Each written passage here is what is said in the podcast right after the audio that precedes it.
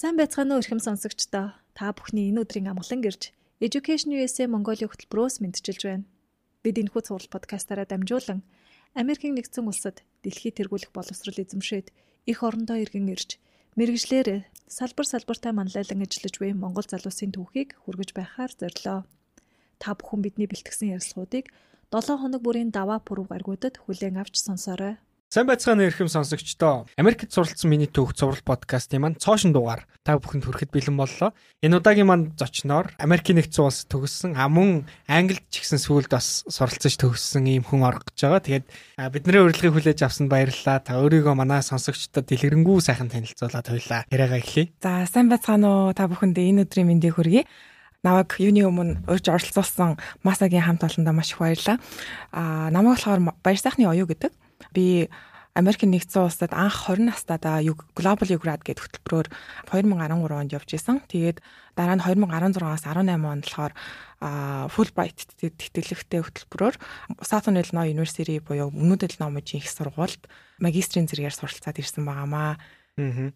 Аюугийн маань хувьд одоо Fulbright, Global Ugrad гэдэг Америкийн засгийн газрын томоохон хөтөлбөрүүдэд хамрагдахаас гадна Англид дэлхийн топ сургуулиудын нэг Кембриж их сургуулийг төгссөн тий.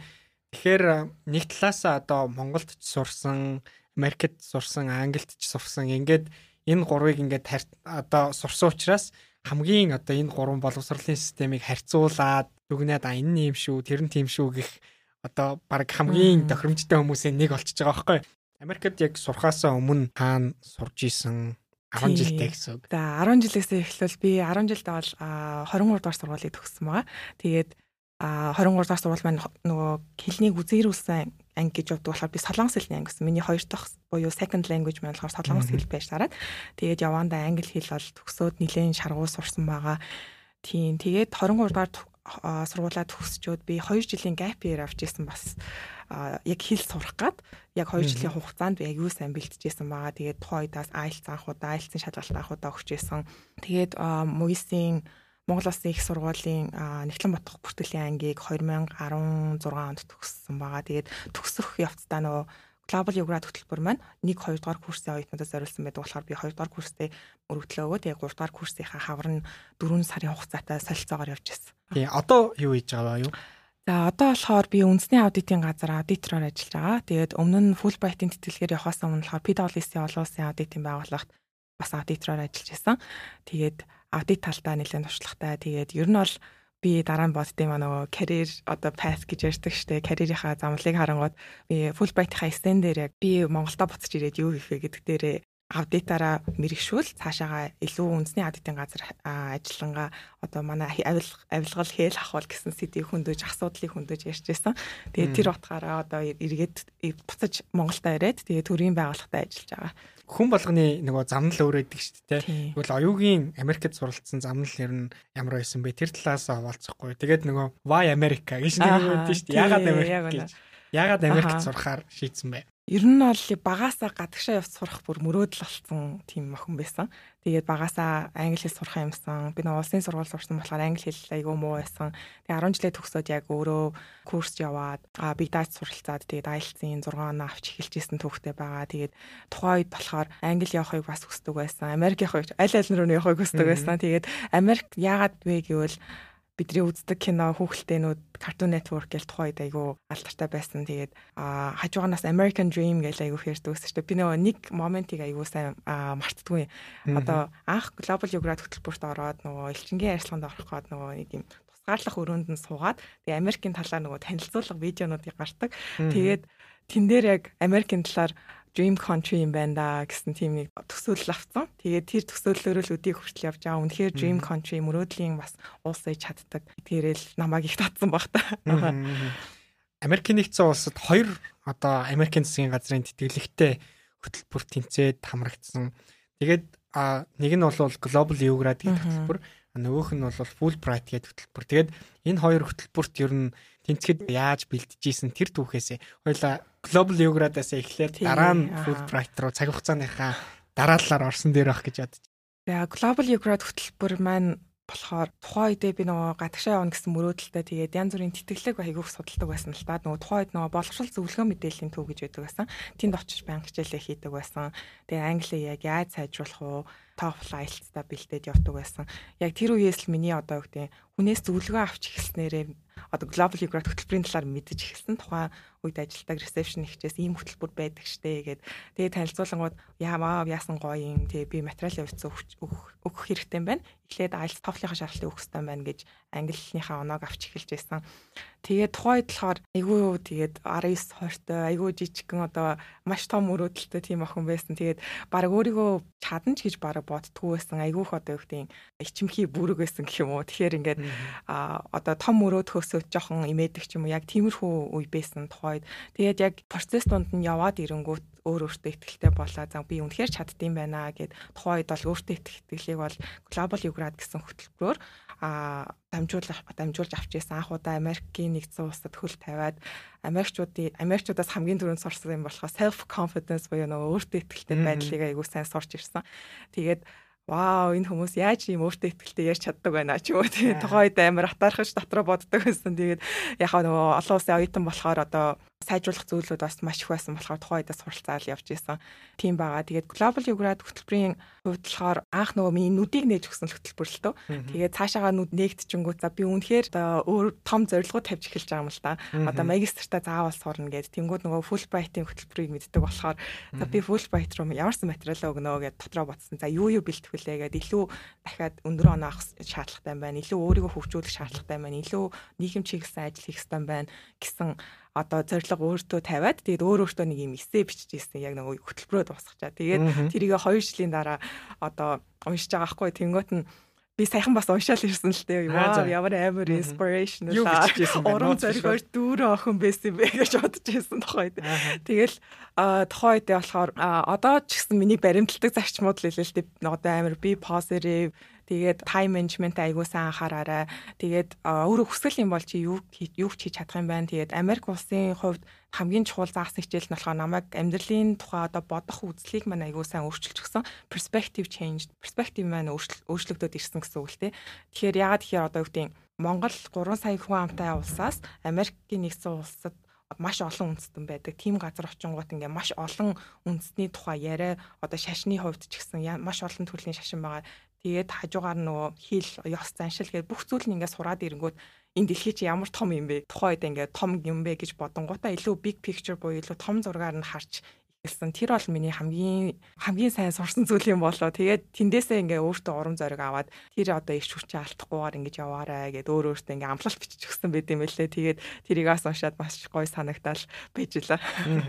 Аха хамгийн анх Америк Global Geograph-аар ингээ хөл тавьж исэн гэсэн тухайн үеийн сэтгэлдлээ одоо хуваалцахгүй ямар хуу сэтгэл тавьжсэн. Би тухайн үед нөгөө нэг 20 настай анх удаа Монголоос өөр улс руу барсныг явж байгаагүй. Тэгээ шууд Америк руу явж байгаахгүй тэнгууд нь онгоцны буудлаас нь л эхэлж байгаа юм л да. Онгоцны буудлын дээр нөгөө нэг одоо юу гэдэг African American буюу нөгөө African African Americчууд байгаа шүү дээ. Одоо тийм өнгөт арьстай хүмүүс маань гарч ирэнгүүт вау! гээл би бараг ингээд өөрийн мэдлгүй тэр хүн л байн бай харчаад байгаа байхгүй. Тэгээ ингээд үгүй харахгүй дээ гэсэн ч гэсэн тэгээд яг тиймэрхүү байдлаа нөгөө соёл culture shock буюу нөгөө соёлын шоконд орж ирсэн. Тэгээд явандаа ингээд 1 сар 2 сар болоод дастын байлээ л дээ дотор нь ороод тэгээд нөгөө Европуудыг харахчаа бас амар хөөрхөн штэ.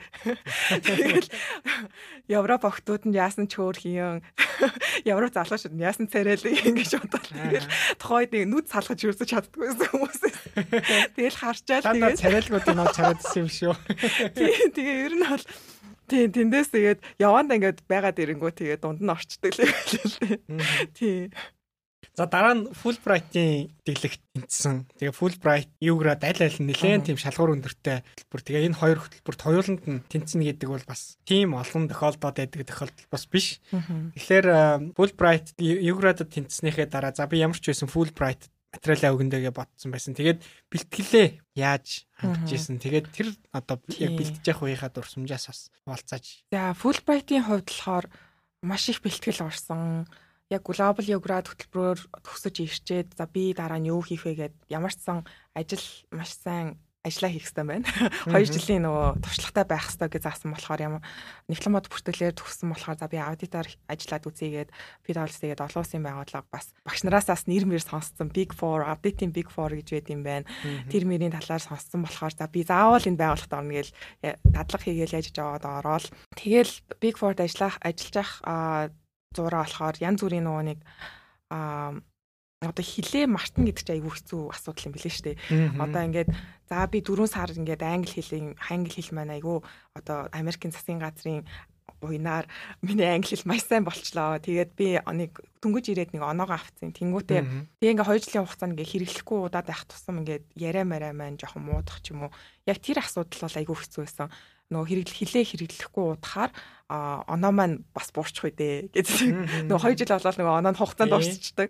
Тэгэнгүүт яг тэн дээр болохоор би жоохон санаа зовоод тэгээд ялцчихгүй нөгөө хажуугаа нь англиас тавтаж эхэлж байгаа юм л та. Тэгээд яг хав англиээ тавтахад бол self practice буюу би даач ч юм уу эсвэл яг өөр өөртөө айгүй сайн ажилласан л гэж хэлж болно. Тэгээд бус зүйлээр бол яг ажиллаа хийж байхдаа бол бид нар бас нэг анзаардгүйж магадгүй нөгөө reference letter гэдэг нөгөө тодорхойлох захиа гэдэг байдаг. Тэгээд яг ажиллаж явах хугацаанд болохоор би маш сайн ажиллах хичээлдэг байсан. Тэгээд бараг шүн мөн гэртээ ярьдаг байсан үед бас зөндөө байгаа. Тэгээд яг тэр үедээ болохоор би ингээд менежерээсээ ч юм уу эсвэл ахлахаасаа би гоё тодорхойлох захиал авчих юмсан гэсэн бодлоос тооноо дотроо байгаа. Тийм болохоор маш сайн ажиллаа хийх хэрэгтэй байна. Тэгээд итгэлийг нь олох хэрэгтэй байна. Тэгэхгүй бол одоо юу гэх юм манай одоо ихэнх хүмүүсийг хандлагыг хараад ахад илүү нөгөө нэг а нийгэм чиглэсэн ажил руу одоо анхаарлаа хандуулахаас гадна яг өөрийнхөө үндсэн ажлыг маш сайн хийдэг. Хажуугаар нь амралтын өдрүүдээрээ volunteer work буюу сайн дурын ажил хийж ивэл бас зүгээр юм болов уу гэд би бас нэг сайн дурын ажил бас хийж исэн байгаа. Тэгээд аль аль талаараа айгүй завгүй өөрийгөө байлгахыг хичээдэг байсан. Тэгээд яг юу хэрэгтэй вэ? Яг тэр нөгөө шаардлагат нь өөрийгөө нийцүүлэх гээд яг ингээд тэндээсээ илүү бараг дагуулan биелүүлчих юмсан л гэсэн сэтгэлээр 2 жилийг бол өнгөрөөсөн.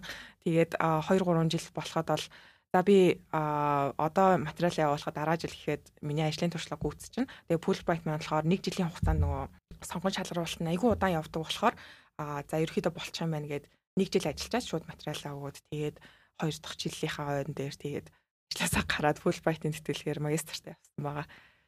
А тэгэхээр хугацаанаас өмнө 1 жил ажилласан байхад тэгээд apply болж исэн гэсэн үг шүү дээ тийм ээ. Тий.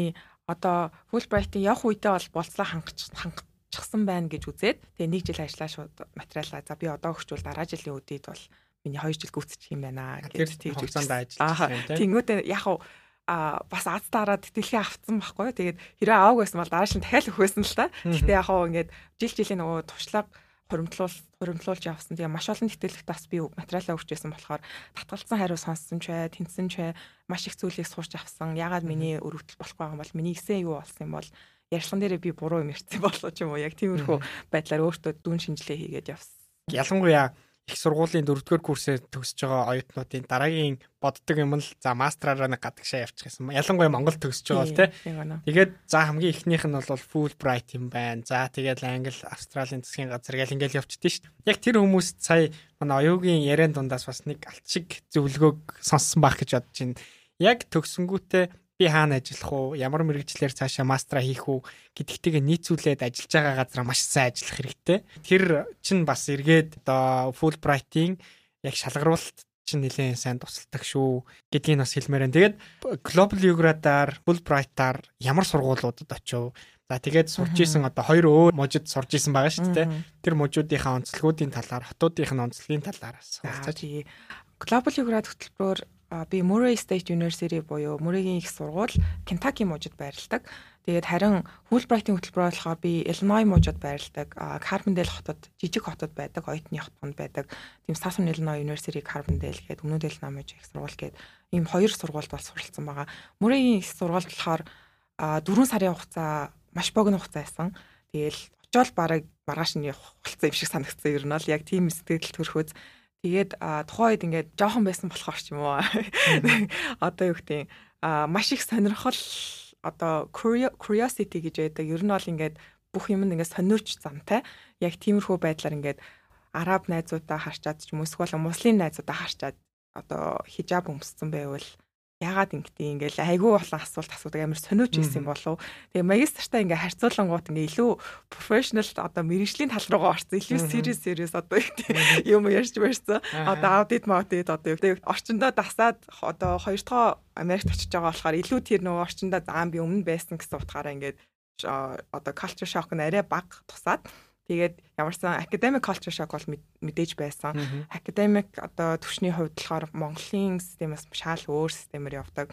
Тэгээд а одоо гал ялгаа нь гэвэл одоо юу гэдэг бие даах чадвар маш сайн шаарддаг. Тэгээд а одоо байн байн гэрийн даалгавраа саммит хийн явуулна хажуугаар нас нөгөө шалгалан дээр а маш сайн бэлтгэх хэрэгтэй байдаг. Тэгээд бэлтгэхдээ ингээд бид нар шиг ингээд Монгол болохоор ингээд яг одоо ухаарлын 7 хоног гэж яддаг шүү дээ. Яг тэгэж бэлддэг байсан бол яг тэнд очиод болохоор лекц болгоны дараа баг багаар бэлдэж явах нь дараа нь ингээд одоо тэр нөөтөө хараад ч юм уу тэр айгүйх тусалт юм байна. Тэгээд шалгалтын өмнө тэр нь ингээд нөөтүүд нь айгүйх хэрэг болж исэн. Яг тиймэрхүү байдлаар ингээд тайм менежмент буюу яг нэг цаг хуваарлалтаа ингээд сурж явах явцдаа маш сайн анхаарч анхаарч тэрээ гэхдээ би яг алдчихж ухаарсан л та. Нэг шалгалтын дээр амар зөрөгтэй орцсон. Тэгээ айгүй муу оноод тэгээ зав дараачихаас яаж бэлтгэх вэ гэдээ найзуудаасаа зөвлөгөө аваад яг team системээр явбал илүү үр дүнтэй юм байлээ. Тэгэхээр тэр утгаараас team дүнгийн хувьд болохоор тийм ер нь бол A B C D гэж ярьдаг. Тэгээд ер нь сургууль сургуулаасаа шалтгаалж бас өөр өөр байж магадгүй. Манай сургуулийн хувьд дөрөв голчоос эхэлдэг байсан. Америкийн хувьд гэхдээ хандлага нь ер нь бол айгүй дүн урамшуул тал дээр айгүй сайн юм шиг санагддаг шүү. Ингээ бонус гэл нөгөө оноонууд өгдөг. Тэгээ дунд нь ингээ за бонус assignment гэл өгчин ингээ additional assignment-ууд нэмэлт нэмэлт даалгавар өгөөд тэнгууд нь тэр миний бүгдийг хийж өгөө за энэ илүү оноо авна гэл амир тэгэж явдаг байсан. Яг тэр утгаараас айгүй гой санагдсан. Ингээ хийж чаддаг хүмүүсийг айгүй сайн урамшуулдаг тал талтай юм шиг санагдсан. Оюугийн хувьд Америкт сурахад хамгийн сайхан талууд нь юу байсан бэ? Аха, Америкт сурахад болохоор хүмүүсээс нь сурах маш гоё байсан байдаг. Одоо манай ингээд жишээлбэл Америкчууд маш их байдаг байсан л та. Тэгээ хажуугаараас нөгөө олон үндэснүүд одоо одоо хөвчлэн хятад энэтхэг улсаас ирсэн оюутнуудаас зөндөө байгаа. Харахад бол Америк охтуудын хувьд болохоор яг яаж сурдаг байсан бэхлээр би нэг жишээ авъя л да. Нэг Америк охин байсан айгүйх part time job айгүйх ажил хийдэг. Тэгээ би тэр охиныг харчаад өөртөө харьцуулаад би бүр үнэн жаргадсан байна дөө л гэж бодож байгаа хгүй нөгөө тэтгэлгээр явцсан юм чинь санхүүгийн тал дээр ямар санаа зовх юм байхгүй. Тэгээд зөвхөн хичээлээ хийнэ гэдэг. Тэр охины хувьд болохоор өглөө 5 цагт сэрээд тэгээд ажиллаа хийж хийж явж аваад өглөө хичээлдээ ирээд буцаад дахиад өөр ажил руугаа яваад тэгээд өдөрт хэдэн цаг унтдээ ингээ би асуужсан байхгүй. Тэгсэн чинь 4 5 цаг унт. Тэгээд чи how can you survive? Чи бүр яаж амьдрт юм бэ гэж асуужсан. Оо витаминээр л амьдрчтэй шүү дээ. Тэгэнгүүт би вау гэж тэгэж бодож байсан байхгүй. Тэгээд тухайд ингээ бодогдсон зүйл юу вэ гэхээр ингээд тэтгэлгээр явсан бид нар хөвчөж буй орноос ирж байгаа оюутнууд ч гэсэн ингээд тэтгэлгээр яваад тэр нь болохоор бид нэр эргээгээд privilege хүчж байгаа юм байна юм байна л да. Тэгээд Америк оюутнуудыг харангуут угаасаа тэгж явах зам одоо зам нь угаасаа тэг тодорхой байдаг ч юм уу. Заавал тийм одоо юу гэдэг бид нар ч гэсэн Америк төрөөд өссөн бол яг тийм одоо Америк хүмүүстүүд л тэгж суралцаж одоо юу гэдэг ажил хийж явах юм юутай болно. Тэгэхээр яг тэр юуг хараад болохоор илүү хичээх хэрэгтэй байна. Тэгээд Америкчууд нь хүртэл айгүй сайн хичээж гин. Тэгээд а нэг бас охин байдаг байсан юм. Айгүй сайн хичээлээ амар хурдан амар effective буюу үр дүнтэй хийдэг. Тэгэл би л одоо номын санд ингээл өдөржингөө суугаал нэг юм одоо нэг юм ууших гэж ч юм уу эсвэл нэг юм шаландаа бэлтэх гэж сууж байгаа шүү дээ. Тэнгүүд тэр охин болоо нэг 2 3 цаг суугаал тэгэл маргааш нь он цагаа яваад. Яг тийм охин байсан байхгүй. Тэгээ тэр охиноос бас нилээн сурсан. Тэгээ айгүй сайн нөгөө ой тогтолцоотой юм Монгол ч гэсэн бас тиймэрхүү оюутнууд зөндөө байдаг шүү дээ. Тэгээд амар happy яваал байдаг. Тэгээ яг шалгалтын дээр орохоор хамгийн өндөр авчдаг тий. Тэгэхээр айгүй эхэндээ амар гахаад вау яасан мундагийн ингээл тэгээ явандаа баг багаар хичээлээ хийгээд байвал бас тийм байх болох боломжтой юм байлээ. Нэг нэг дор бөөгнүүлэхгүйгээр ааха яг сууж байгаа хугацаанд тухайн зүйлдээ эффектив те яг төвлөрөөд яг тэрийг өөрийн болгож чадж байгаа тэр скил байгаа. Тэгэхгүй одоо би энийг хийвэл яах уу гэж бодоо шаналал яваад идэг төрлийн хүмүүс байдаг шүү дээ. Яг хүн болго өөр өөр гэдгийг л жишээ ах л та. Тэгээд яг өөр өөртөө тохирсон аргыг л олох нь зөв бах. Ер нь бол Тийм тэгээд хажуугаас нөгөө Америкт сурахын давуу тал ажиглагцсанаар юу вэ гэхээр илүү on campus гэх нөгөө оюутны хотхон байгаад байгаад байгаа болохоор маш олон хүрээллийн найзуудтай болж байгаа. Би одоо шил хөгжим одоо хийлч найзуудтай одоо бүр доктор болоод манай сургууль дээр багшаар ажиллаж байгаа ч юм уу. Яг тийм мундаг мундаг найзуудтай болсон нөгөө нэг одоо зүгээр завсарлагаанаар явчвал практис хийж ахт нь нэг жоохон хийлч хийлийн дуу муу сонсч басчдаг ч юм уу тий. Яг тэр on campus ингээ бүх юм access нь бүх юмд хүрэх боломж нь айгүй нээлттэй.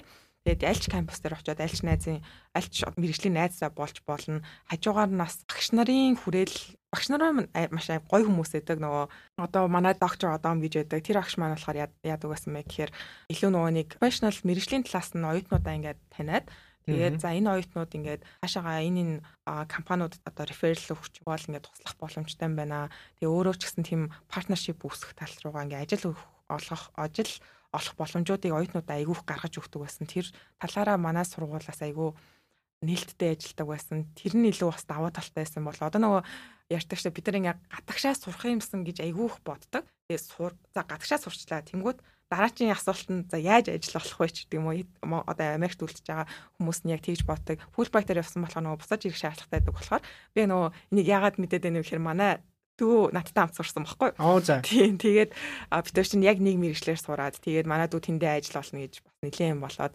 тэгээд ерөөхдөө сургуулийн connection буюу холбоосоор явж байгаа тэгээд ажил олсон тийм түүхтэй байна.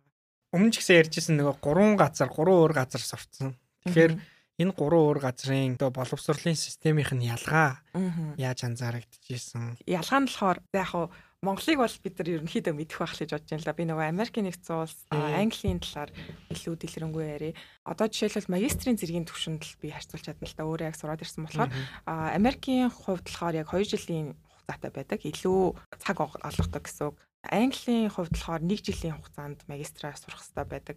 Тэгээд нэг жилийн хугацаанд маш шахуу програмтай байдаг. Тэгээд семестрийн терм гэж ярьдаг. Америкт болохоор нөгөө fall semester, spring semester-ийн хоёр семестр тий. А Английн хувьд болохоор 3 семестр тий. Michaelmas, Land, Easter гэдэг гурлаа айгүй хурдан 1 2 сар болоод өнгөрчдөг. Тэгээд би эхэндээ яасан хурдан юм бэ? Яасан хурдан шалгалтанд хүрээд ирчт юм бэ гэж айгүй одоо журтаж бодож байсан. Тэгээ айгүй хийх юм байгаад идэг. Тэгээ нэг жилийн програм дээрээ бүм бүгдүүсээр агаал таарсан дөө. Тэгээ ар араасаа бүх юм нь шалгалтууд нь зэрэг зэрэг орж ирээд хийх юм маш их байд юм байлээ. Тэгээд яг тэн дээр бол мэдэрч авсан. Тэгээд хажуугаар нь а бас дүнгийн үнэлгээ гэж байгаа. Тэгээд би Америкт болохоор ингээд ээ аваад яваад идэг гэсэн байхгүй юу. Тэгэл Амир өөртөө бартам за за англид гайг байлгүй дээ гээл. Тэгэл англид очиод шалгал малгалт өгсөн чинь би бүр үнэлгээнд нь бараг 60 мар болоод ирэхгүй юу. Оноо моноо тэнгуут за 60 чи юу илээ гэдэг нөгөө үнэлгээ дүнгийнх нь үнэлгээг харсан чинь нөгөө нэг 70-аас дээш бол distinction буюу тэр нь одоо харьцуулбал нөгөө A юм уу. Тэнгөд 60-аас дээш бол нэг B юм шиг ба. Тэгээд 55-аас дээш бол нөгөө lover second гэдэг ирлөө нөгөө C тал руугаа ороо явцдаг. Яг үнэлгээ нь өөр болохоор эхэндээ жоохон нөгөө бас дахиад академик шоконд орч байгаа юм л та. Өө англи чинь ийм өөр юм биш тий. За би одоо 60-аас дээш ч юм уу 70-аас дээш авахын тулд юу их стан болоо гэд. Тэгээд нөгөө distinction авахд бол маш хэцүү байсан.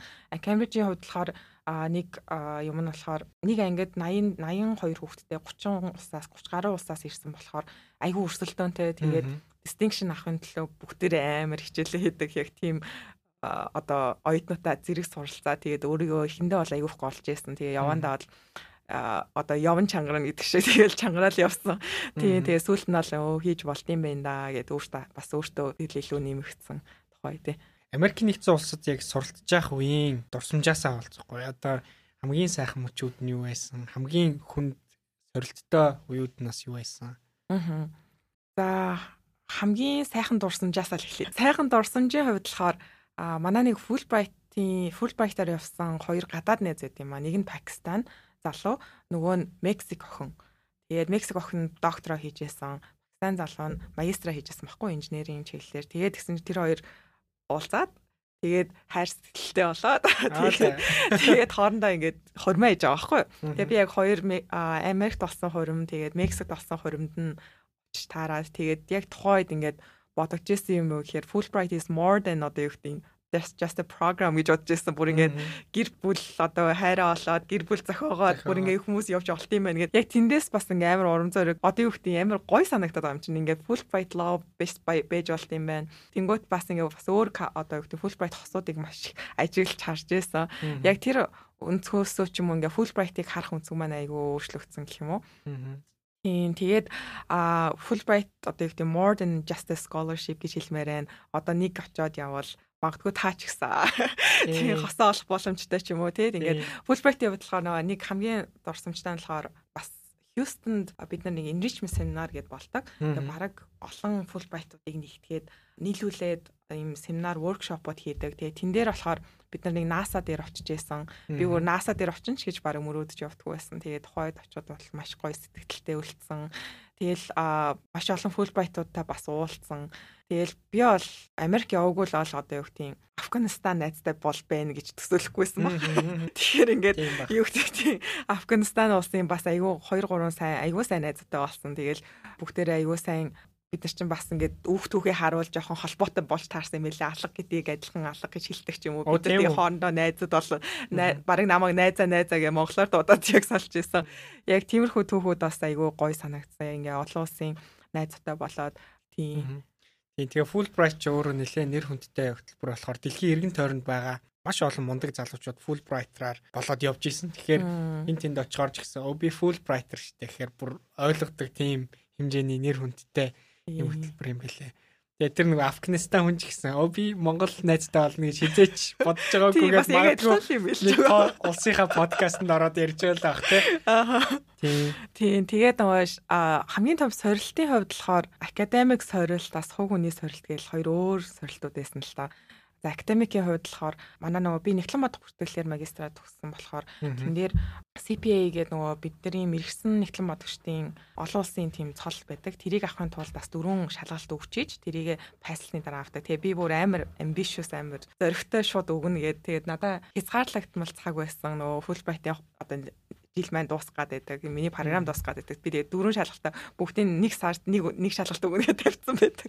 Тэгээд бүгдийг яг өгөөд тэгэл ямар ч өгсөн л дөө. Гэхдээ бүгдийг пайслж чадаагүй. Тэр нь нэлээд том сорилт байсан. Тэгээд өөрийгөө ингээд хичнээн том сорилт байсан ч гэсэн өөртөө нөгөө бэлдэх цаг гаргаж өгөх нь айгүй чухал юм байлээ. Яхаа би тухайд одоо фейлсэн ч гэсэн отоод сургамж гэвэл яг өөртөө бас тодорхой хэмжээний цаг гаргаж өгөөрэй л гэж хэлмээр байна. Тэгээ хувь хүний сорилтын хувьд бол маш олон байгаа анхандаа нөгөө culture shock гэдээ би өмнө ярьсан нэг бас shock байна юу гэсэн бэ гэхээр gun policy гэдэг нөгөө бууны юу байгаа штэ тий. Одоо хууль хуулаараа ингээд зөвшөөрөгдсөн ч юм уу тэнгууд яг кампус дээр сургуульд оронгууд одоо юу гэдэг буутай хүн орж яах вэ гэсэн сургуульд орж байгаа хгүй. Тэнгууд нь би бүр нэрнгээс орж ирэх юм бах та гэж бүр амар айж маягаал. Тэгэл за энэ ширээн дагавраа орох морох ч юм уу яг тагдаанаар нь сургалт орж исэн. Тэгээд бүр улам энэ нэрэл яг амар ойрхон байд юм байна гэж бодож байсан. Тэгээд тэр өнцгөөс харуулаас хүн болгон одоо буутай явах боломжтой. Тэгээд хүн болгон тийм одоо юу гэдэг боловсрч одоо юу гэдэг одоо нийгэмд одоо юу нийгмийн нийгмийн үз хүзэл маш өөр өөр хүмүүс байгаа. Тэнгүүд янз бүрийн зүйл өчөж болдог юм билээ л те. Тэгээд тухайд би нөгөө оф кампус явж байгаа жоохон тийм сүрдүүлгэнд автаад тэгээд жоохон миний бас амьдралыг бодох өнцөг маань бас өөрчлөгдсөн байгаа. Тэгээд яг Америкийн нэгдсэн улс гэж явахаас өмнө бас нөгөө safety талаас аюулгүй байдал талаас маш сайн бодолцох хэрэгтэй байлээ гэж бас хажуугаар нь бас бодсон. Тэгээ өмнө нь нөгөө нэг одоо сэтгэл хөдлөлтөд автаал за би одоо юу ч хийж чадна ингээл тэгэл хаасайгүй ингээл айгуу сайн явдаг гэсэн бол яг тэр туршлагаас үүдээд болохоор маш сайн safety-г айгуу сайн анхаардаг болсон аюулгүй байдал тэгээд кампусаас ч гэсэн яг ямар одоо бид нэр оройтвол машин ирж авдаг ч юм уу яг сургуулийн машин ингээ хөрөөж өгдөг ч юм уу яг тиймэрхүү сервис үйлчлэгнүүд байвал та нар ч гэсэн хамрагдаарай. Тэгээ нөгөө Америк чинь 50 муучтай бүхэл надад тийм улс тий. Тэгээд нөгөө олон хүн дотор сайн ч байна, муу ч байна. Тийм, яг үнэ. Тийм, тэгээд янз бүрийн нөгөө мэдээнүүд гартал байсан л тухайд итгэхгүй байдаг байсан. Тэгээд очиод яг мэдрээд аа бас үнэ юм байна. Тэгээд маш болгоомжтой ах хэвээр байна да гэж. Аа энэ уул ясын да. Тэ адилхан одоо очиж байгаа улсынхаа ерөнхийдөө ямархуу ёс заншилтай, ямархуу хууль дүрмтэй тэр энтрийн ч гэсэн маш сайн судалж ийж бас яг тухайн улстай амжилттай суралцах юм болов уу гэж боддог. Тэгэхээр манай сонсогч ч гэсэн эднэрийг бас нэг нэлээд сайн өөрсдөө тусгаж аваасаа гэж хүсэж байна. Яриад ивэл зөндөө олон юмнууд байна. Манай оюугийн хувьд одоо дэлхийн томоохон сургуулиудад сурсан, өөрөөр улсуудад сурсан, Америкт хоёр ч хөтөлбөрт хамрагдсан ийм хүн. Тэгээд яг ийм одоо мэрэгчлээ сонгох гэж байгаа хүмүүс хандаж юу гэж зөвлөх вэ? Аа маш том гоё асуулт байна. За юунаас нэхлэхээ сайн мэдтгээ. За суурэ тавих чинь л гэж үзнэ л дээ. Ер нь бол мэрэгчлээ сонгох чинь гээд яг тэр одоо би жишээлбэл нэгтлэн бодох бүртгэлийн мэрэгжил сонгоснараа би насаараа нэгтлэн бодох чинь гэсэн үг бол биш. Яг суура математик суурьтай тавьсан болохоор тэгээ цаашаагаа ингээд тэр нь хөрвөөд аудит одоо юу гэдэг санхүү тал руугаа ингээд хөрвөж болдог тийм байгаа шүү. Тэрнээс ш одоо юу гэдэг нэг мэрэгчлэр суралцаж төгсөөд нөгөө бид нар тэр мэрэгчлэрээ л насаараа ажиллах юм шиг юм бодоод идэг. Тийм юусоо байхгүй. Тэгээ одоо бол нөгөө карьер талаасаа төлөвлөлт нь ч гэсэн нөгөө нэг өөрийн хүссэн салбар руугаа орж бас болох орж болох боломжтой тийм үе ирсэн байгаа шүү дээ тий. Тэгэхээр яг ямар салбарт ажиллаж ажилламаар байгаагаа эхлээд тодорхойлоод тэгээ дараа нь тэр салбарт хэн тэргүүлж гин хэн удирдаад яваад байна. Тэр хүмүүсээсээ зөвлөгөө авбал зүгээр юм болов. Одоо маш олон ахлах сургуулийн сурагч дүүнер маань сонсож байгаа бол бүх юмыг л одоо хийж үсмээр санагтай яг тийм үе байдаг л та. Тэгэхээр илүү хүмүүсээс одоо ярилцаж зөвлөгөө аваарай л гэж хэлмээр байна. Тэгээ Монголд одоо тэр нь харилцангуй нээлттэй болоод байгаа хаа. Яг сошиалар ч юм уу одоо би жишээлбэл нэг ямар шүтж байгаа хүмүүстэйгээ ингээ холбогдвол ингээд тэд нар маань хариу бичих хандлага маань бол одоо л нэмэгдээд байгаа ах. Тэгэхээр одоо зориглоод бас бичээд үзээрэй. Тэгээд хариу бичээд нэг кофе кофе уунгаа ярилцах ч юм уу тий. Яг тиймэрхүү бас зүйл маань болохоор гадаад нээлттэй байдаг болохоор тэр соёл маань бас Монголд орж ирж эхэлж байгаа юм билээ. Тэгэхээр LinkedIn-ээр ч юм уу эсвэл сошиалаар илүү нээлттэй харилцаасай л гэж хүсэж байна. Тим болохоор ингээ айгүй ерөхийн асуулт болохоор яг тэгж л хэлмээр байна л да. За Америкийн нэгдсэн улсад байхдаа ер нь аялж исэн үү? Хаа хаагуур аялж исэн? Хэрвээ аялж исэн бол? Тийм Америкийн нэгдсэн улсад байхад хамгийн гоё хэсэг нь бас аялах шүү дээ. Тэгэл нөгөө Спент чинь Спентийнхаа мөнгийг цуглуулаад Fulbright-ууд чинь бүгдээрээ аялж өгдөг. Тэгээ миний хувьд болохоор байж Global Юградаас эхэлж аялж исэн юм байна. Нөгөө New York гэл нөгөө том том хотуудыг очиод үзсэн. Тэгэл нүдээ жоохон нээсэн. Эхэндээ бүр ингээ нөгөө архитектурыг хараад бүр ингээ уулга алтал бүр зүгээр хараад зогсоод исэн. Тэгээд янгууд тэгээ одоо бодонгууд ингээд хоёр дахь удаа очисон чинь илүү олон мужуудаар аялах юмсан л гэсэн тийм хүсэлтэй байсан. Тэгээ мужуудаар аялах дундаа ингээд Fulbright найзууд байгаа мужуудаар аялах юмсан гэж боддог байсан. Тэгээд хажуугаас хүмүүстэй уулзсангаа яг тухайн өөр өөр сургууль дээр жингоо сургуультай танилцсан. Тэгээд програмын програмуудтай танилцсан. Би болохоор нөгөө ихлээл ойрхон мужууд мужаасаа эхэлсэн нөгөө Missouri, Illinois мужтай байгаа юм чи Missouri-гоос эхлээл Тэгээ Kentucky муж руугаа дахиад нэг утсан сургууль дээр очсон.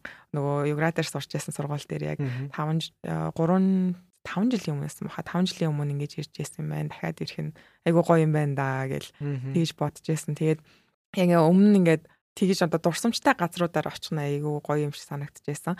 Тэгээ би бас дүүтэйгээ нийлж агаад юугаар явсан. Лас Вегас ороод. Тэгээд Лас Вегас ороод гэтээ шоудах гэж шүү. Тухайд нөгөө Лас Вегас руу хурал болоод тэгээд тэр болохоор ажил манайд ажил хайж байсан болохоор бүгд хоёул хурал дохрыг гээд нөгөө Латин Америкчуудын холбоо гэж байдаг. Бид нар айгүй том хурал хийд юм байлээ. Тэгээ 4 5 өдөр үргэлжилдэг. Тэгээ тэд нар Вегаст болдог хурал нь өглөөнөөс хойш бүр яг орой хүртэл бүр ядранга ядраал өрөөндөө ордог. Тэгээд шавдах ямар ч цаг байхгүй. Тийм яг тийм байсан. Тэгээд яг тэрөөр явснараа болохоор ингээд тийм холбоонуудад аягүй сайн нэгдэж тэгээд ажил хайж байгаа хүн байвал ч юм уу холбоонуудад нэгдээд тэгээд тухай дээрээ шууд on site interview-уд болоод ярилцлагууд болоод хүмүүс нь ажлаа offer аваад аваад явцдаг байсан. Тэр нь илүү маш үр дүнтэй ч бишээ санагтаад тэгээд би хажуунаас нь харахад бол айгүй гоё санагдчихсан. Тэгээд Тэгээд аялангаа аялах аялангаа нөгөө юун дээр Аризона мужид очиод хамгийн гой санагдсан нөгөө Grand Canyon. Тэрийг үзээд нөгөө Lower Antelope гэх нөгөө доошоо хэсэг рүү н ороод үзэнгүүт ингээд бараг л дэлхийн бараг хиддэх гайх юм шиг юм бэ л гэж бодож байсан. Тэгээд зураг мураг авсч баш маш гоё. Яг тэр дуурсан ч бүр ингээд нүдэнд бүр шууд аялал аялал гингүүд аюу сайн бууж байна. Fulbright-ийн хөтөлбөрт хамрагдана гэдэг нь нэлээд тийм өрсөлдөөнтэй хөтөлбөр байдаг. Тэгээд а яг тэнцгийн тулд нэлээ олон шатуудыг давдаг. А тэр дотор нь бас өргөдлийн материал бүрдүүлэх гээд өмнөх өмнөх подкастууд дээр бид нар яг шалгаруулалтын шат ямар хуу байдаг гэдэг талаар нэлээд дэлгэрэнгүй мэдээлэл өгсөн учраас ингээд өрхий. А хоёулаа илүү наривчлаад одоо жишээ нь өргөдлийн эсэг хэрхэн бичих гэдэг ч юм уу бүр нарийн одоо зүйлсийн талаар ярилцъя. Тэгээд энэ дээр энэ тал дээр яг өөрийнхөө бас туршлагаа суулцааж. Аа Fulbright-ийн хувьд болохоор яг яалтчгүй эссе бичгээс л эхэлнэ. Эссенийхаа санааг тодорхойлно гэсэн маш том нэгдүгээр алхам байгаа. Тэгээ маш олон одоо гой гой зүйлүүд бол хийсэн байгаа хүмүүс тэгээд гол нь яг эссен дээр алийг оруулах вэ гэдэг нь бас айгүй чухал байдаг. Тэгээ миний хувьд болохоор юу оруулсан бэ гэхээр яг нөө мэрэгчлэлтэйгээ холбоод яг нийгмийн ямар асуудал байна, явлал хээл ахвал байна уу, тэрийг яг аудитын зүгээс яг яаж шийдвэрлэх боломжтой. Би тэгээ сая эрэхтэй нөгөө нэг тухайд нэг ишлэл бичижсэн баггүй нөгөө Transparency International буюу нөгөө ил тод байдал байдлын тийм нэг судалгаа байдаг. Тэн дээр Монгол улс бол намайг 2016 онд яг эсэ бичиж ах 83-т байсан байхгүй. Тэгсэн чи одоо 111-т орсон байлээ. Аа бүр хойшлоо. Тийм бүр хойшлоод. Тэгэхээр ил тод байдал айгуу дутагдж байгаа гэсэн үг. Тэнгүүд яг тэр эсэн дээрээ би болохоор яг ишлэл тэгж оруулаад тэгээд за энэ явлал хэйл ахвал юм бай. Өнөөгийн нөхцөл байдал юм байна. Тэгээ би энэ дээр яг яаж мэрэгжлийн зүгээс яг яаж туслах боломжтой вэ? Тэгээ сурч ирчээд яаж одоо юу гэдэг судалгааны ажил хийх хийх ч юм уу яг энэ чиглэлээр илүү мэрэгших одоо арга замууд юу байна. Тэгээд Америкт очиод бас нөгөө нэг fraud гэж байдаг нөгөө одоо хүмүүс яаж заллин одоо гэдэг гимт хэрэг үлддэг вэ гэсэн тийм нэг анги авч ирсэн. Тэгээ тэр ангид болохоор маш олон муу аргууд сурсан. Оёо юм байт юм байна. Би өмнө нь ерөөсөө тийм бодож байгаагүй. Тэгвэл манай багш ингээ баг баг болгоод ингээд за та нар энэ кейсийг ажиллаад энэ хүмүүс яаж заллин хийгээд энэ тэрийг сайн судал гээд бараг одоо цагтаа магтаа шиг юм хийд юм лээ шүү дээ. Тэнгүүт Тэнгүү тэр мэс хоо ийм бэж болд юм байна гэж дотроо бодоол тэгэл аа за хүмүүс нөгөө нэг дүрм журмаа жоох нөгөө буруугаар ашиглаад тэгтээ амар ухаалгаар буруу ашиглаж байгаа байхгүй. Тэнгүүд яг тиймэрхүү цорхоонуудыг ашиглаж байгаа бол маш буруу санагдсан нөгөө нэг одоо нөгөө ethics гэж ёс зүй санагдаад байгаа. Яг тэр байдлаас ингээд бодвол ингээд дараа нь тэр сурсан зүйл маань ирээд Монголд бас ирээд одоо би ажиллаж байхад бас хэрэг болох юм болоо. Тэгээ одоо аудит бас ажиллаж байгаа болохоор илүү нөгөө өргөн хүрээг харж ажиллаж байгаа төрийн алба болохоор одоо өмнө нь ингээд нэг байгууллагын санхүүгийн тайлан дээр суудаг байсан бол одоо болохоор илүү нөгөө төсөвтэй ч юм уу илүү нөгөө Монгол улсын хэмжээнд 21 аймаг аймаг гэх ярингууд вау тэр тэр байдлаараа айгүй гоё санагдаж байгаа. Тэгээд тийм эсэний хувьд бол би яг тэгж бичижсэн. Тэгээд хамгийн чухал миний зүгээс өгөх зөвлөгөө болохоор товч өгөөд тодорхойл байх нь чухал юм болоо. Тэгээд хамгийн ихний үйлбэр бол маш чухал санагдсан. Тэгээ хамгийн ихний параграф за ихний үйлбэрийг уншаал за энэ хэсэг ямар хуу хэсэг болох нь барыг тодорхой болчтой юм шиг санагдсан. Нууц биш бол оюугийн яг Fulbright өгжсэн хэсэг нь яаж эхэлж исэн бэ? Санаж байгаа бол My name is гэл. Нөгөө сонгодог эхлэл бишээ нөгөө эхлээл айгүй нөгөө Америкчууд passion гэл айгүй ярьдаг штеп.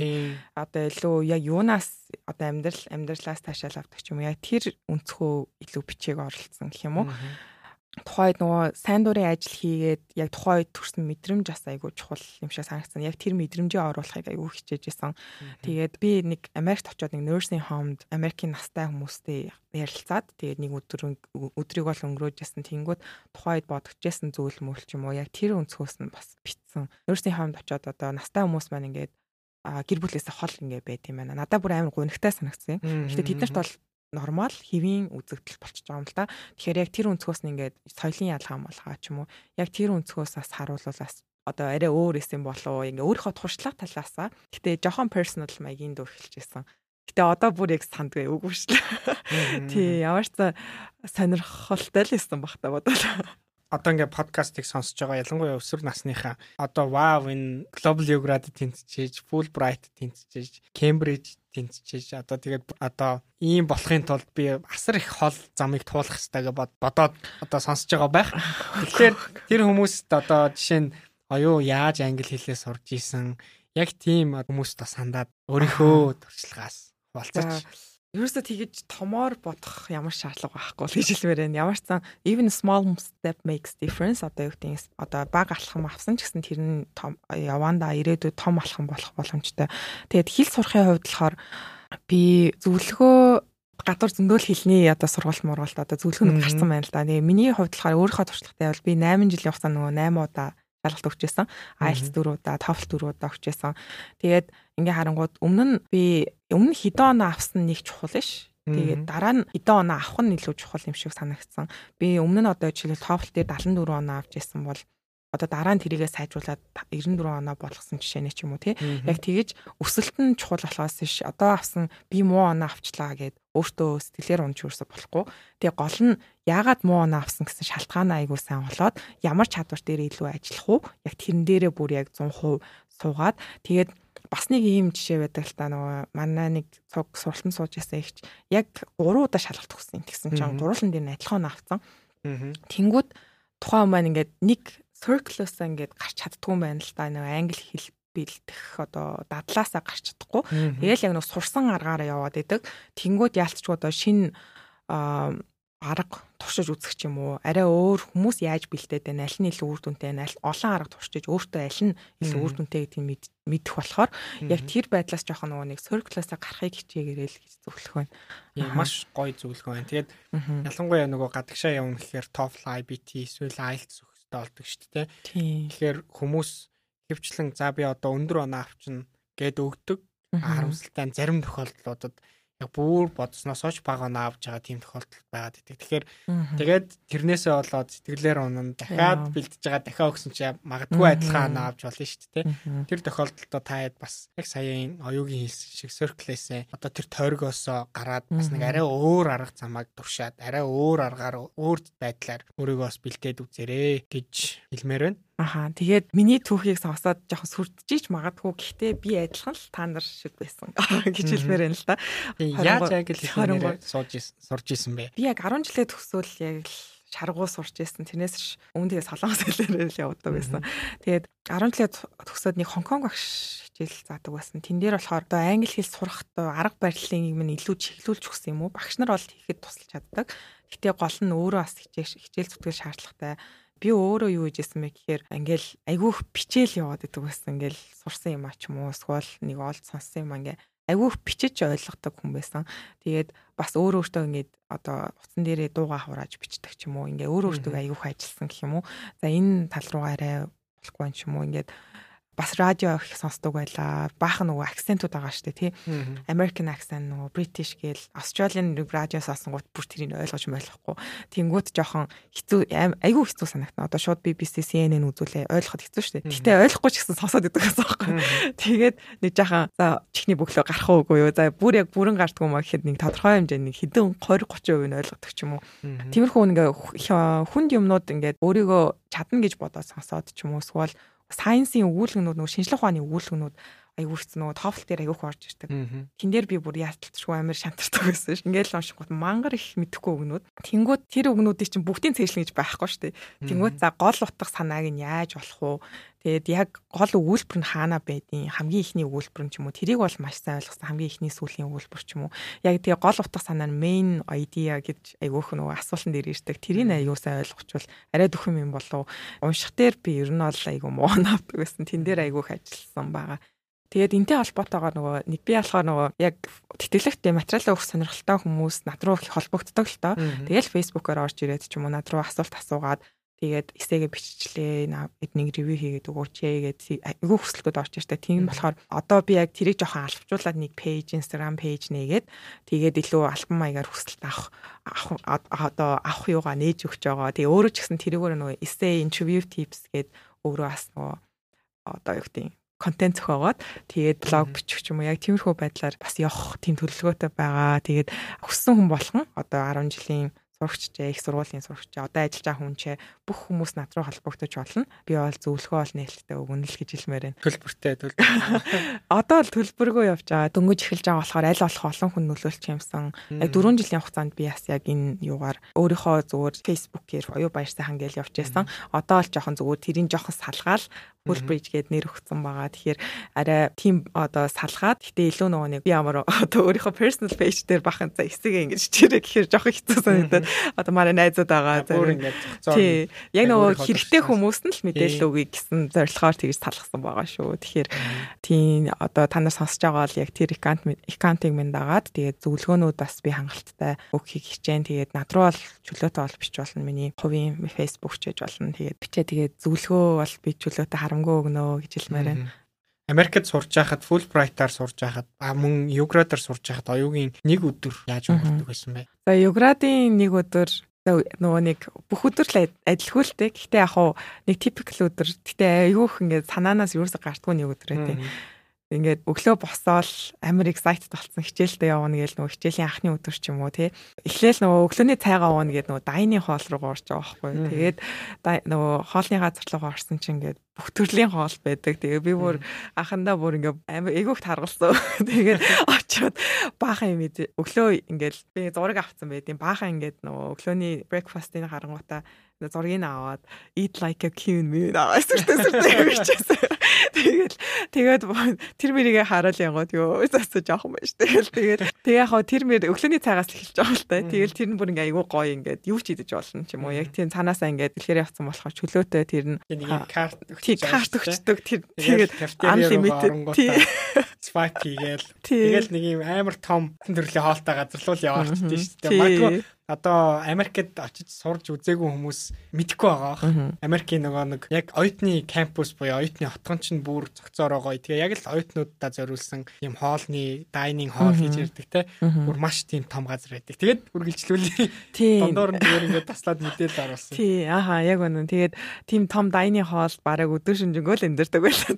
Найзуудтайгаа буу буу халаал суучдаг байсан. Тийм тэгээд яг тэгэж өглөөний цагаа уучаад тэг хичээлдээ яваад нэг манах нэг юм гүүрт автیں۔ Тэгэл яг тэр гүүрээр даах мэдрэмж бас айгүй гоё байдаг байсан. Тэгэл яг бизнес скул гээл аюу сүртэй нөгөө тусдаа барилгатай тэгэл бизнес скулээр орж мороод тэгэл even одоо ингээд снакууд идэг штэ ингээд долларын сентмент өгч авдаг. Тэнгүүд тэр би хүртэл гоё харагдаж барагдал.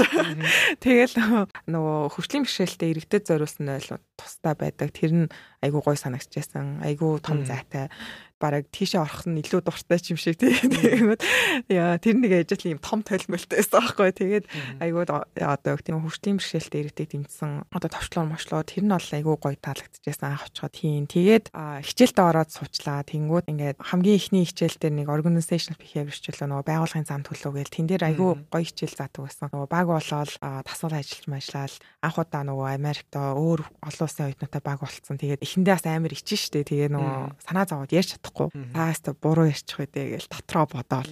Тэгэл бодож бодож нэг өгүүлбэр хэлнэ. Тэгэл явхиндээ тэгж байгаа тэг яванд ингээд ассаад арай л нээлттэй болж эхэлж байсан. Тэгээд 4 сарынхаа нь бол би бараг айгүй чөлөөтэй айгүй open minded болцсон тэгж байсан. Чамаа юу өөрчилж өгөх гэрийнхээ бүр гайхаад байдаг байсан. Тийм тэгээд эхний өдрүүд яг тэгээд илүү их сонсдог байсан юм уу? Сонсоод хүмүүсээс айгүй суралцсан. Аа ийм байд юм байна гэ. Тэгээд хичээлээ таараад чинь on campus бас айгүй болон нөгөө нэг free pizza гэж байдаг. Тэгэл хоол моол ингээ өнгөө хаана юу болж тэр болгонд би л явж байгаа. Тэгээд тийм дээр буцаад нөгөө доорондоо ингээд айгүй ойрхон тэр 10 минут алхаал ирчихэж байгаа байхгүй. Тэнгүүд доорондоо ирээд за нэг жоохон амарч агаад найп хийчээд байгаа. Тэр үед бараг найп хийж сурсан гэх юм өмнө нь ингээд өдөр унтна гэдгийг мэдтгүү. За цэцэрлэгийн хүмүүс л унт боддөө шүү дээ. Юу яриад байгаа юм. Тийм бодолтой байдаг байсан бол тий чинь nap ч айгүй гоё power өгд юм байна гэдэг. Power nap гэж хүмүүс айгүй хэрэг. Тэрийг ингээд жоохон өөртөө тасгаж эхэлж мэхлээд тэгээд буцаад хичээлдээ очиход бол илүү сэрэгцэн очдог ч юм уу. Яг ингээд завсарлагаан гаруул яг тэгэж явдаг байсан. Тэгээ өөр сурсан зүйл аа тийм доорн дээр очингууд хизээч ингээд зүгээр байлгах гэж байдаг хөө. Одоо ямар зөв ингээд октоодын доорн байсан байхгүй. Тэгээд bracelet хийн мэн гэж орой болох ингээд нөгөө bracelet-ийн баг friendship тийм нэг юм байж байдаг. Тэгээ нэг friendship bracelet гэдэг нөгөө нэр мэрээ ингээд холбош молбоод нэг юм бугуувчтай болж молоо. Тэгэл би нөгөө өрөөний охин маань Америк гэсэн болохоор тэгээ хоорондоо амигуусаа. Тэгээ надаа өрөөний охин маань айгүй гоё юм хийж өгсөн л та. To do list гэж за чамаа явахаас өмнө чинь эдрийг бүгдийг хийж дуусгана. Нөгөө Америкийн нөгөө нэг Blizzard гэдэг ice cream идэх мэдэх ч юм уу тий. Эсвэл movie night гэл одоо бахан за Америкт ирсэн бол заавал идрийг хийж үзчихэд явах хэрэгтэй гэсэн өнцгөөс хандаж намайг айгүй гоё урайлахын тэгж хүлээж авч яасан. Тэр үед бол тэгэл baking making хүртэл айгүй гоё санагддаг байлаа. Тэгэл одоо брауни дас орсон хамгийн дуртай амттан маань брауни болж таарсан. Яг тиймэрхүү байдлаар ингээ өдөр өнгөрөөд орой тэгэл охтуудтайгаа бужинсаар атал тэгэл унтах цаг болол тэгэл унтдаг байсан. Айгүй гоё гоё өнгөрдөг байсан. Илүү сонирхолтой байдлаар. Тэгээд одоо Fulbright-ийн хувьд болохоор нөгөө магистр болсон. Арай одоо undergrad гэл нөгөө нэг ярьдаг штэ grad student гэл за grad student болчлоо даа гээл. Тэгэл илүү нөгөө чөлөө цагаа өнгөрүүлэх юм нь болохоор өөрийнхөө хүслээрээ л илүү нөгөө жимтдэг болсон юм чинь. Юугаар бол их таргалсан. Дараа тэрийг одоо бүх юмнуудаа мэдчихсэн учраас одоо яг үнэ. Тэгвэл нэг юу л кампус дээр очих за энэ дайны хоолоос хол явах юм шүү. Тэнгуүтэ за гэрте хоол мол хийдэг болсон. Тэрний илүү баг нөгөө өөрийнхөө нөгөө ингредиенсаа сонгож орцоо сонгочдог болохоор илүү ирүүлчихэд ч юм уу тийм болохоор ингээ илүү гэрте хоолоо хийж идээд илүү нөгөө нэг арай mature болсон юм шиг санагдсан. Ингээд бие даах чадвар нь тэгэл за за биендээ ингээд анхаарлаа хандуулах хэрэгтэй байна. Жимд тодорхой хэмжээгээр явах хэрэгтэй байна. Тэгээд манай нөр recreation center маань хизээч орж болно. Бас бас л ан лимитэд хизээч хідэн цагаар хичээлж болно. Тэнгүүтээ дотроо маш олон зүйлтэй нэг усан сэлэлтийн том усан сэлэлтээр хичээлж болно. Тэгээд янз бүрийн классууд зумба мумба одоо йог мог бүгдээрээ л байдаг. Тэгэхээр яг бүгдийн л би бараг нэг нэг яваад үзсэн баг. Тэгэл явж аваад за за энэ илүү скваш скваш тоглоал. Тэгэл илүү сонирхолтой спортуудаа олж аваад за тэрийгээр тууштай хичээлийгээл би бас нөгөө нэг гүйлтийг бас айгүйх сонирхсан. Манай нэг Испани зэт намайг гүйлтэнд оруулаад тэгээд хоёул марафонд гүйгээд тэгээд Чикагод байдаг нөгөө нэг марафонд хагас марафонд гүйсэн баха. Тэгээд би болохоор 10k 10 км гүйж арай гэж дууссан. Тэгээд тийш нөгөө гүйж дууссан гот ингээ хөрх ингээд медаль өгт юм бэлээ. Ингээ дууссан хүн болгоно. Тэр нь би эхний эдд юм болоо гэсэн чи айгүй гоё урамшууллаа. Тэгээд тэр медаль зэтал айгүй дурсгалтай тэгэж нөгөө спортлог хүн болсон тийм түүхтэй гэх юм уу. Магистрт сураад яг нэг өдөр өнгөрсөн гэвэл яг жимээс ахуулаад илүү нөгөө нэг хүмүүсээсээ сураад тэгээ илүү спортлог тал руугаа чиглэсэн. Юград л анх очиж байсан болохоор тэгэл за бүх соёлыг мэдээ. Тэгэл бүх юм хийлээсэн. Тийм зорилготой байсан болохоор яг тэр талаараа хоёр өөр байсан болоо. Америкт сурсан оюуд яаж нөлөөлсөн бэ? Бараг л 180 градусаар нөлөөсөн бахаа. Тухай тухайд бодонгоо тухайд хамгийн ихний явалтаар бол маш их урам зориг авсан. За би энэс илүү хичээх гэсэн байна. Тэгээд нөгөө олон улсын оюутнуудаа харж байгаа юм чинь айгүй өрсөлдөөнтэй байд юм байна. Хажуугаар нь өөрийгөө айгүй сайн бэлтгэх хэрэгтэй байна, дайшлах хэрэгтэй байна гэсэн тийм мессеж аваад тэгээд Монголд буцаж ирж байсан. Тэгээд тэр мессежээр явсараа л тэгээд ямарсан бэлтгэлээ айгүй сайн хангаад тэгээд хоёр дахь явуултан дээр болохоор хоёр дахь явуултан дээр илүү мэдэрсэн зүйлээс гэвэл одоо Америкт очоод төсөөл юу хийж болд юм байна да илүү нөгөө боломжууд байдаг гэж ярьдаг штэ тий. Тэр өнцгөөсөө илүү харсан. Тэгээд тэтгэлгийн хувьд болохоор тухайн үедээ айгүй хэцүү юм шиг санагдчихсан нэ яг ингээд даваад гараад ирэн одоо even одоо юу гэх хичээлдээ яваад хичээлүүд нь ч гэсэн айгүй хэцүү санагдчихсан үе зөндөө байгаа. Тэгээ ингээд даваад хамгийн эцсийн одоо зогсоолт ер нь хөрөнгөт үнэхээр л энэ тэтгэлэг одоо бид нарт ингээд privilege олгоод явуулж байгаа. Тэнгүүд эргэж буцаж ирээд бас community-daa юм хийх юмсан гэсэн тийм сэтгэлдлийг төрүүлсэн гэх юм уу Америк оюутнуудыг хараад би өмнөлсөн айгүйх ажилтдаг байсан. Тэнгүүт за би одоо энэ тэтгэлэг маань зүгээш нэг 2 жил одоо намайг жаргаад ирээ гэж өгөөгүй штэ. Тэгэхээр маш хариуцлагатай тэтгэлэг ямар ирээдүйд Монголдо ирээд одоо хийж бүтээх бүтээн байгуулалтаа илүү нөгөө нийгэмд үзүүлсэн нөлөөллөөр нь илүү тооцогдно гэсэн үг. Тэгэхээр тэр өнцгөөсөө илүү бас үүрэг хариуцлагатай юм шиг санагдчихсан.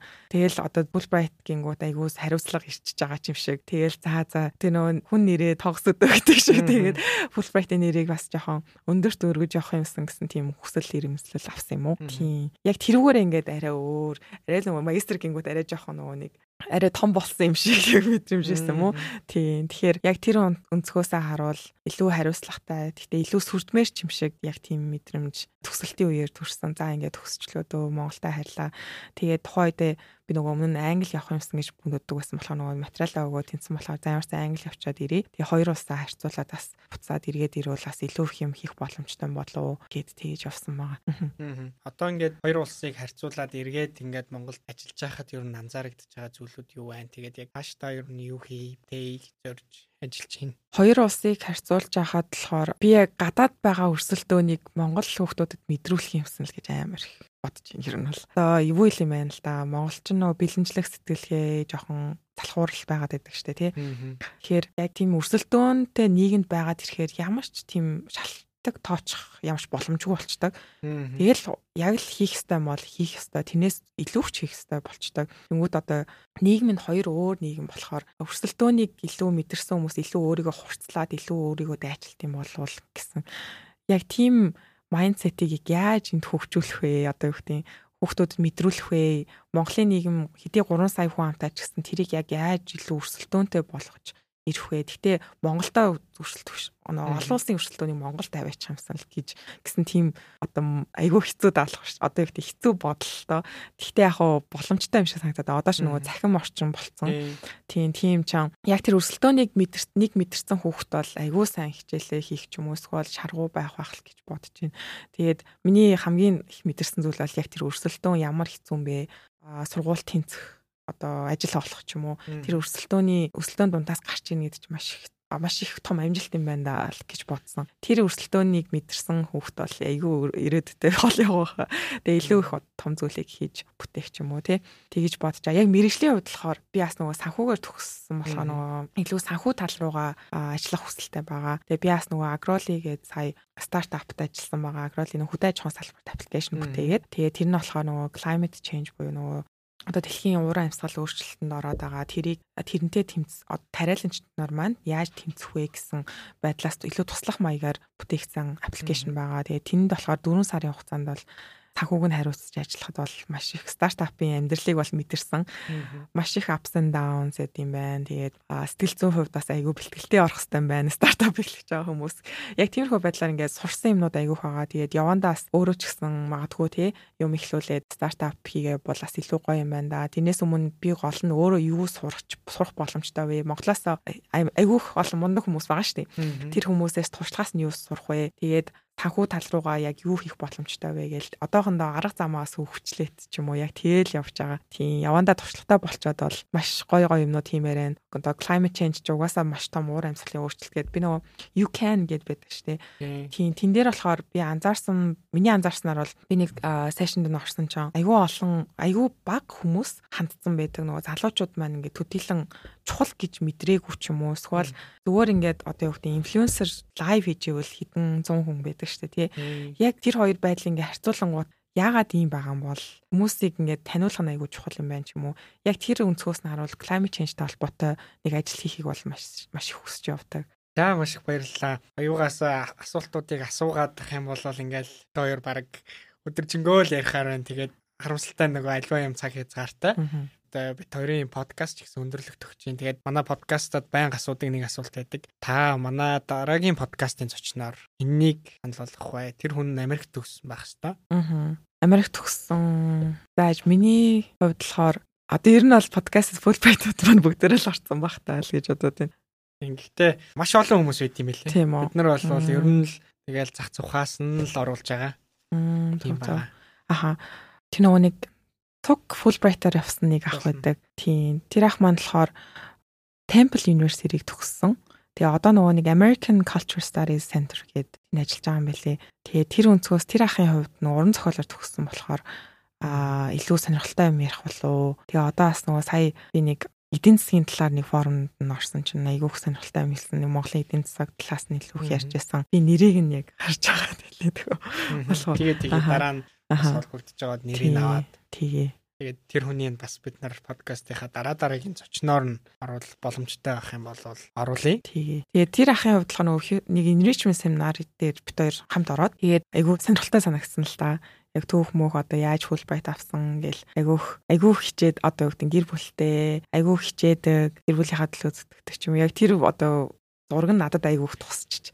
Тэгээд тэр ахыг бол яа өрөөл илүү гоё юм болоо. Илүү гоё гоё юм ярих бах. За тэгээ бид нар тэгвэл холбогдож байгаад урах боломжтой байх юм бол дараа дараагийн дугаарынхаа зочноор бас урьж оруулахыг хичээе. За тэгээд өнөөдөр бас бид нарын урилгыг хүлээж аваад манай сонсогчдод өөрийнхөө Америкт суралцсан түүхийн талаар дэлгэрэнгүй сайхан яриа өгсөн. За маш их баярлалаа. Тэгээд таны цаашдын ажил үйлс бүхий л зүйлд нь өндрөөс өндөр амжилтыг хүсье. За намайг урьж оролцсонд маш их баярлалаа. Та бүхэн ч гэсэн ажлын өндөр амжилт хүсье. Америкийн нэгдсэн улсын засгийн газраас санхүүжүүлдэг Education USA Mongolia хөтөлбөрийн хэрэгжүүлэгчээр Монгол дахь Америк төгсөгчдийн холбоо ажиллаж байна.